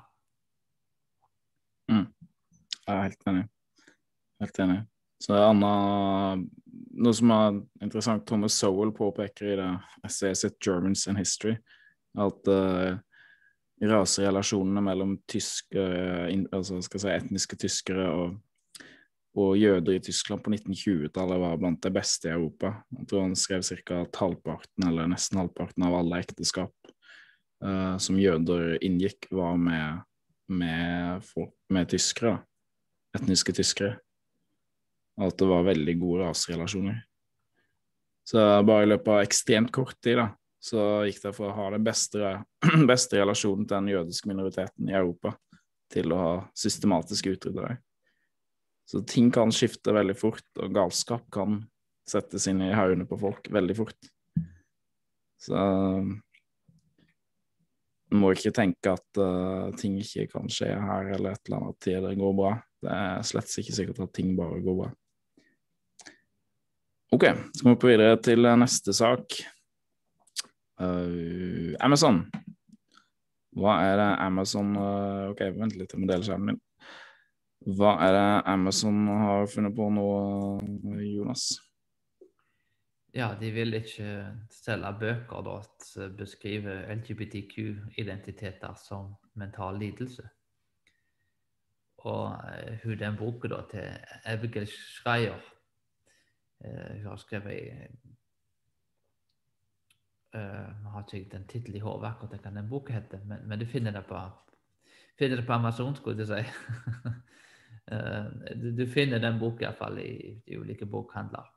Som et eksempel, da. Ryan T. Anderson. Uh, When Sally meets, meets Harry, tror jeg den heter. Og Mm. jeg lurer på om han nå hadde en del problemer med, med salget. Jeg har hørt det. Den har blitt fjernet fra Amazon, ja. Men Harry Den- den- became Sally, ja. Mm. Den, den er der ennå? Nei, fjerna. De fjernet, den, ja. Ja. ja. Nå har de annonsert da, at de selger ikke den typen bøker. Og um, dette, Amazon, det er viktig å forstå at Amazon er enormt svære. kan du si. Er vel, han er vel den andre rikeste mannen i verden. nå. De har et enormt monopol. Så når du ikke får solgt bøkene på Amazon, så har det faktisk en, en ganske stor betydning. Med tanke på at det, det er ingen som er i nærheten av Amazon da, i forhold til det eiermarkedet. Så, så det er jo en, en, en veldig, veldig negativt. Og litt interessant å tenke på at uh, du nevnte nazistene. Og En ting nazistene gjorde, var jo nettopp det brant bøker som de var uenige med.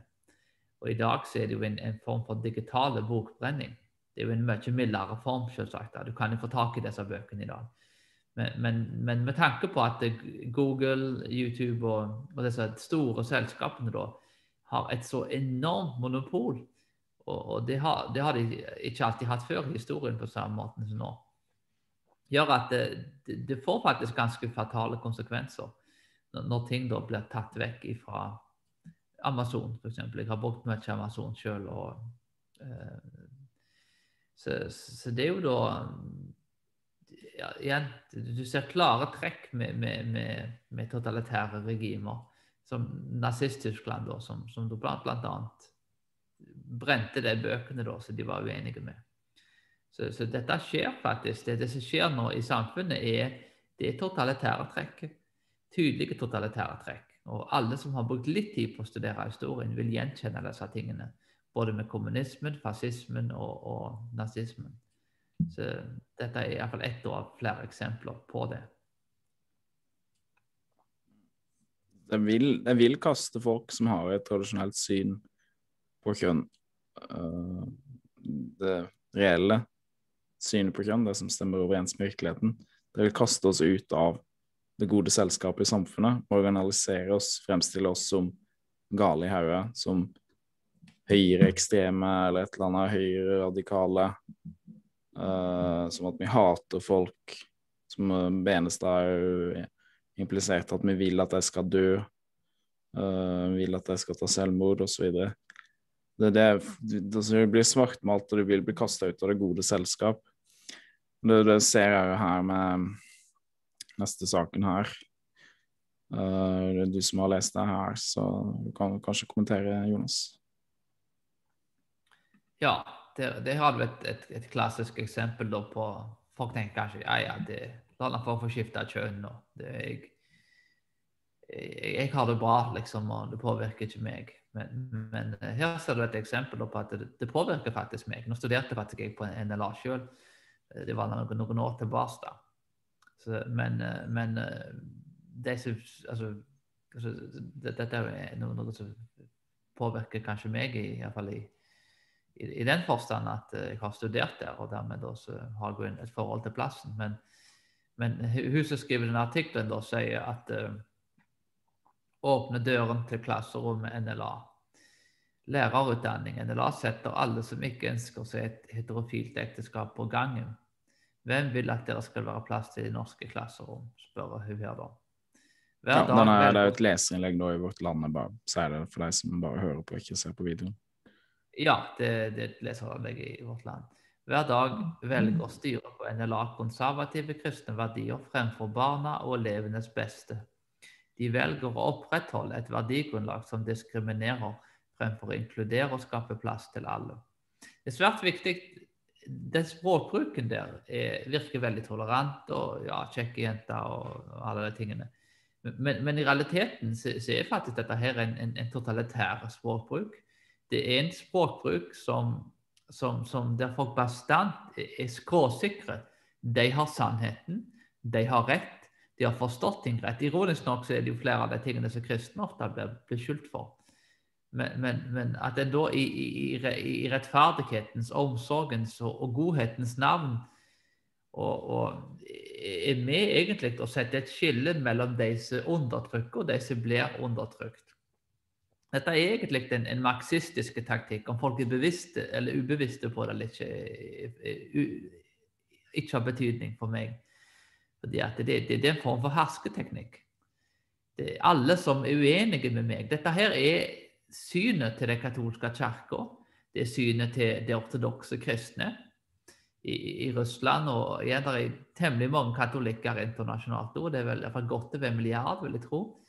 Det, det, det, det, er òg synet til mange andre altså Mesteparten av verden. Altså Afrika, de kristne og muslimske landene i Afrika er, er ofte ekstremt eh, negative til, til homofili. Og, så dette er, Mesteparten av verden har et helt annet syn enn en, en, en dette som blir angrepet her. Den mesteparten av verden har da et syn der, da, der, er, der er to kjønn. Og, og, det på en måte å bastant gå inn på den måten og, og, og beskylde folk for ikke å være omsorgsfulle Alle som ikke har mitt syn på ting, de er omsorgsfulle. Det går tilbake til, til den realiteten at det er blitt forbudt å forby. Eh, hvis du forbyr ting, med en så, så, diskriminerer du. Alt er lov. Fri flyt på alt. Eh, at du ikke lenger skal kunne ha et, et, et historisk, tradisjonelt og et bibelsk syn på ekteskapet. Og, helt i orden at folk er uenige. Men, men, men den, den, den, form for arrogansen og, og, og, og hersketeknikkene som blir brukt for å kneble en skole som prøver å utdanne folk. Folk får like god utdannelse om, om lærerne er homofile eller, eller heterofile. Altså her, er dette et verdidokument der da lærere må forholde seg til, til en kristen etikk, som da er jo åpenbart i en kristen skole. Men her viser det den, den, den totalitære identitetspolitikken og kulturmarxismen at den, vil ikke gi seg før alle har underlagt seg. Det er ikke en del av samfunnet som ikke skal gjennomsyres av denne, denne, denne, politikken. Så, så, dette er åpenbart, sånn som hun, hun, sa i intervjuet tidligere, en, en totalitær bevegelse. De, de, er, altså, gjennom historien så har konger masse gode konger gjennom historien. Masse dårlige konger òg. Men uh, det er til og med veldig gode diktatorer. Diktatorer er ikke nødvendigvis opptatt med å kontrollere hele samfunnet. De utrydder kun politiske motstandere. Men ellers så kan faktisk til og med diktatorer gi folk ganske stor frihet. Men dette her er ikke engang det, det er verre enn å være en diktator. For det vil at en bevegelse og en ideologi da skal detaljstyre livene til folk og skal trenge inn på alle institusjoner. Du får ikke engang lov til å drive en kristen skole på egen hånd. Og Denne typen angrep da, er et angrep på toleransen, på religionsfriheten og ytringsfriheten. Og det er illiberalt. Dette er ikke liberale verdier, det, det er antiliberalt.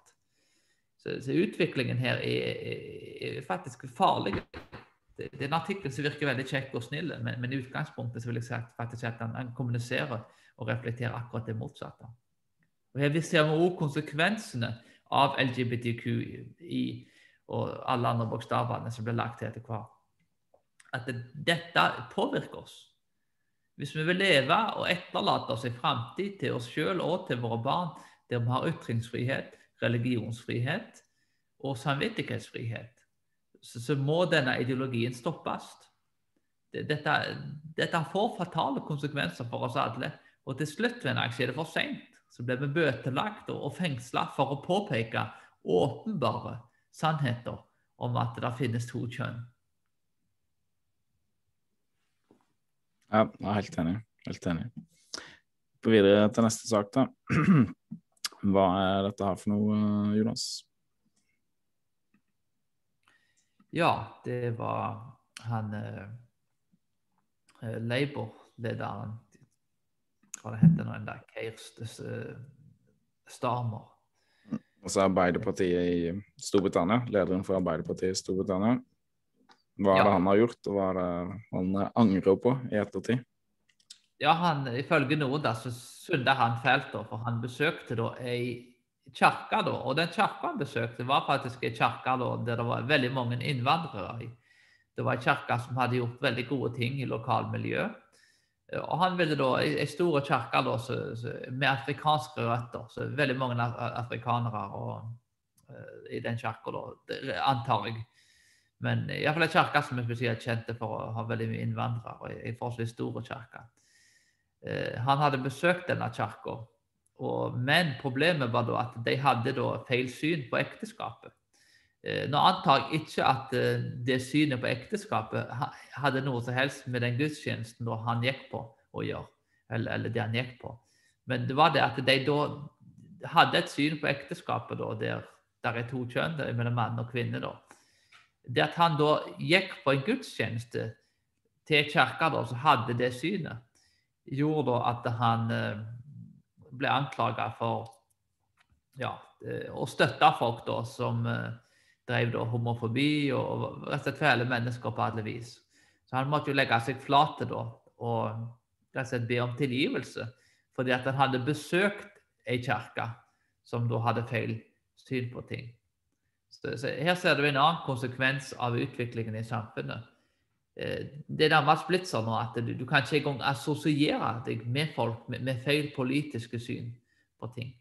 Hvis du har eh, ja, feil syn på disse tingene, så, så, så, kan det rett og slett bli farlig da, for, for, mer kjente mennesker å bli assosiert med deg. Og, og, sånn er det blitt. Sånn er det i Amerika òg. Og ikke fullt så galt i Norge. Men hvis utviklingen fortsetter, så, så vil det nok ses en del av samme trekkene her. Så Det er svært viktig å forstå i denne artikkelen at det, dette handler ikke om at han da offentlig gikk ut og støtta at, at, at denne kirka hadde det synet. Det var bare at han deltok i selve gudstjenesten. han, han, var jo enig i LGBTQ-politikken og, og støtta jo dette, men det holdt ikke. Han, han, viste seg på en gudstjeneste da, som ikke hadde det synet. Til tross for gudstjenesten og det som skjedde der, ikke hadde noe som helst med, med, med de tingene å gjøre. Men, det å, å faktisk å, å, snakke til folk da, som kommer fra en annen bakgrunn, og, og som, som, har andre syn på ting, det burde vært en god ting for en politiker å spre seg litt rundt i lokalmiljøet og bli kjent med ulike folk. Så jeg ikke tenker helt likt som seg sjøl. Men denne kirka fikk ikke noe fritt pass på dette. Men jeg er temmelig sikker på, ut ifra hvordan jeg forstår Jeg bodde faktisk et år i England òg, så jeg, jeg, fikk se en del av tingene på nært hold der. Men eh, hvis han hadde besøkt en moské som, som da ikke da støtter homofilt ekteskap De aller, aller, aller fleste moskeer mener vel at homofile bør bli behandla mye dårligere enn de fleste kristne blir, for å si det mildt. Eh, så hadde han nok Dødsstraff er jo det ofte som er vel vanlig i Midtøsten. Homoseksuelle handlinger får veldig, veldig streng straff. Ja, det, det, det er dødsstraff i, i, mange tilfeller. Men, men uh, er at han hadde nok ikke fått noe, noe refs og kjeft hvis han går rundt og besøker moskeer som, som, deler akkurat det samme synet da, på ekteskapet. Et mye strengere syn, faktisk. At, uh, som er det skal gå ut ifra hva homofobi er, da, så, så burde i alle fall moskeene kvalifisere. Men uh, muslimer de stemmer jo over, altså, svært ofte da, på, på, på, på labor. Og, og dermed da, så, så, er det helt i orden at de, de, kan få lov til å si hva de vil om homofile. Men de kristne derimot, de har ikke lov til det. Så det er, er, to standarder, det er, er, to, er to lover. Og, og den utviklingen er uheldig og, og, og, tragiske, for det er ingen i England. England er blitt av de mest politisk korrekte landene i, i verden, vil jeg si i dag. Det, det, det, landet er ødelagt av Det er faktisk et av de aller, aller verste landene. Jeg bodde jo der borte et helt år, som sagt. og Det var ikke mye du hadde lov til å si av, av denne typen ting. Så, så det, det, er en tragisk utvikling i England. Ja. ja jeg ser det forholdet til, eh, til islam og muslimer. Det er ikke så farlig de har såkalt uh, homofobiske syn på ting. Men uh, kristne, da er det fy, fy, fy. Det kan vi ikke ha noe av. Så men det er kanskje Ja, det er flere grunner til det, da. Men én av grunnene er det, det som du sier, at det, det stemmer overveldende på arbeiderpartiene i Europa og partier på venstresida. I Norge så stemmer vel eh, åtte av ti muslimer på Arbeiderpartiet. Så da er det jo vanskelig å kritisere det. Ok, neste sak her. Hva er dette her for noe? Jonas? Oral ja, Roberts det... University isn't, isn't the feel good March medal story we need, opinion. Okay, Hva i alle dager er det her for noe? Oral Roberts da var jo en, en, en, en kjente forkynner, mer, mer, mot pinsebevegelsen. Og dette var jo da universitetet da, som, som han var med å, å opprette. Og eh, det var en, en basketballturnering da, der universitetslaget da, Oral Roberts eh, deltok da og ja, gjorde det ganske bra da i denne turneringen her. Og, men de, har, de, fikk da kjeft og refs da av denne journalisten. Fordi at eh, Husk at dette handler om basketball. Dette handler ikke om seksualitet eller andre ting. Det handler om basketball kaste den ballen i det nettet. Det har ingenting med seksualitet å gjøre. Men eh, jeg får da kritikk da at uh, det, det, altså det, det universitetet da har en æreskode, de, eller en, en verdidokument der de må De har ikke lov til ja, være uærlige og baksnakking. Eller, altså de, må de forholde seg da til og, en seksuell aktiviteter som, som er innenfor ekteskapet. Så, så, og det er jo like regler for alle. Det står faktisk spesifikt altså at homos hom homosexual behavior, premarital sex, uh, drunkenness, immodesty of dress and occult practices. Disse er ting som du ikke har lov til å delta i. Så dette er den personlige atferden som du ikke har lov til å delta i hvis du er student da, på det universitetet. Så denne personen, da, journalisten, mente jo da at uh, Oral Roberts universitetet da burde ikke få lov til å delta uh, dette fotball, uh, basketballaget burde ikke få lov til å delta da, i basketballturneringen pga. dette her. Og det ville var det mange andre som var enig i. Så, så i framtida så, så, er det ikke utenkelig at de da ikke får lov til å delta. Og at du ikke får lov til å delta i basketball og andre sporter hvis at du ikke er enig med LGBTQ. Så det, det er ikke snakk om her at ja, du skal få lov til å tro det du vil, og du skal tro det du vil. Her må du anerkjenne ting. Du er ikke en kristen hvis du ikke tror Jesus har oppstått fra de døde. Du må ha tro på Jesus og bekjenne deg til, til visse ting. Og, og, Her ser du trekkene med denne identitetspolitikken. Den fungerer akkurat som en religion. Eh, problemet her er det at, at han, han, vil ta over hele samfunnet. Han er totalitær. Vi som kristne lar folk, iallfall i stor grad, la folk være i fred.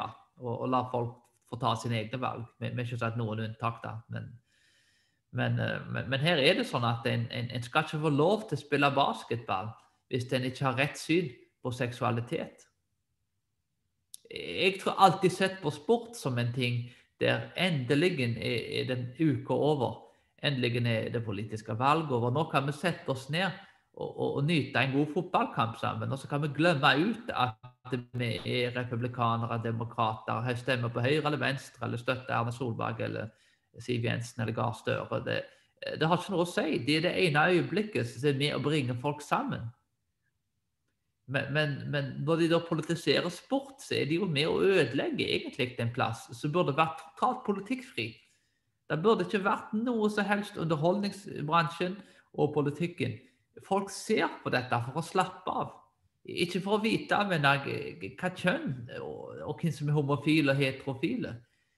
Folk flest gir døyten men, altså, med fotballspiller, altså, hva han gjør utenfor banen. De vil se den personen legge den ballen opp i nettet. De vil se en god film og, og slappe av uten å bli politisert. Så Det er tragisk å se denne identitetspolitikken, at han, han ødelegger alt. Det er ingenting identitetspolitikken berører som man ikke ødelegger. Og, og, til og med basketballen får ikke folk ha i fred lenger. Eh, og dette viser jo, da, bare for å oppsummere eh, generelt sett, så viser det jo at dette En får ikke være i fred hvis en ikke snakker ut om disse tingene. Til slutt så kommer denne bevegelsen og banker på de dør. Så hvis en ikke er villig til, til, å gi beskjed om, om, det som skjer, og være med og, og yte motstand, så, så vil faktisk framtiden vår bli ei ufri framtid. Religionsfriheten, ytringsfriheten, samvittighetsfriheten vil bli ødelagt og, og dekonstruert av denne bevegelsen. Så det kan være lurt å benytte seg av ytringsfriheten mens vi fortsatt har den.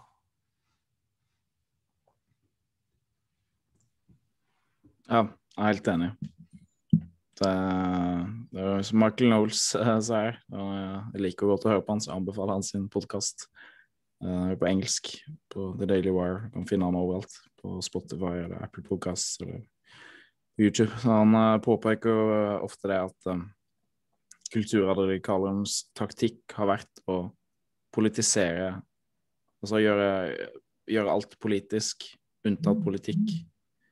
Så for å påvirke folk, da, så at det sniker inn uh, LHBT-ideologi i sport, og såkalt antirasistisk ideologi, som er bare en form for ny rasisme. Sånn som det utvikla seg nå, så er det bare en ny form for rasisme. Uh, det skal ikke gå mer inn på nå, det bør vi ha en egen episode om.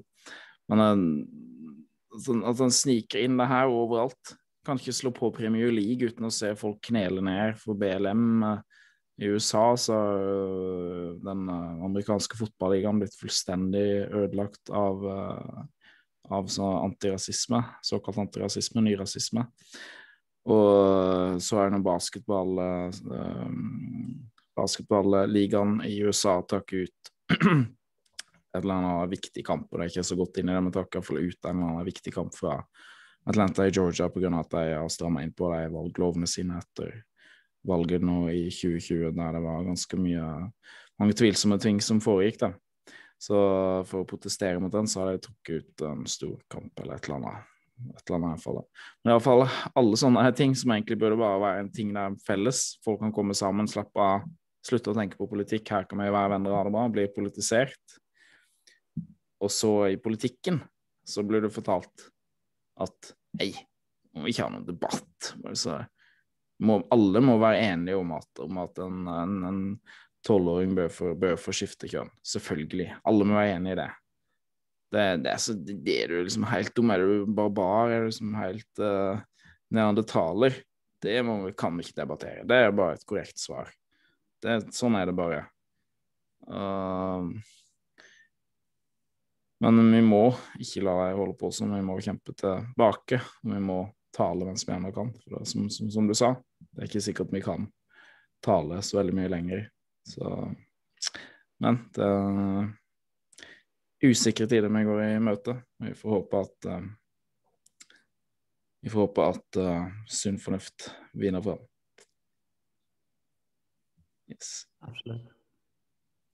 Da tror jeg vi eh, rett og slett avslutter der. Men eh, hvis du liker oss, husk å gi uh, videoen eh, en, uh, et like og klikk. Abonner på oss på YouTube, på Rumble, Spotify, Apple Podcasts, Google Podcasts, hvor som helst du hører på oss.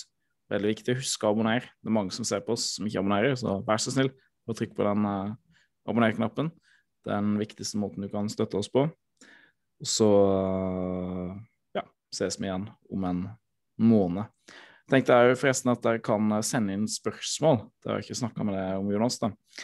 Uh, hvis folk har noen spørsmål, har ikke vi satt opp noen egen e-post uh, til det, men hvis dere har spørsmål som dere vil at vi skal svare på, uh, så, så hadde det vært veldig interessant å prøve det. Så nå har vi ikke mye noen spesiell e-post, som sagt, men dere kan bare sende inn spørsmål til Facebook-sida, eller dere kan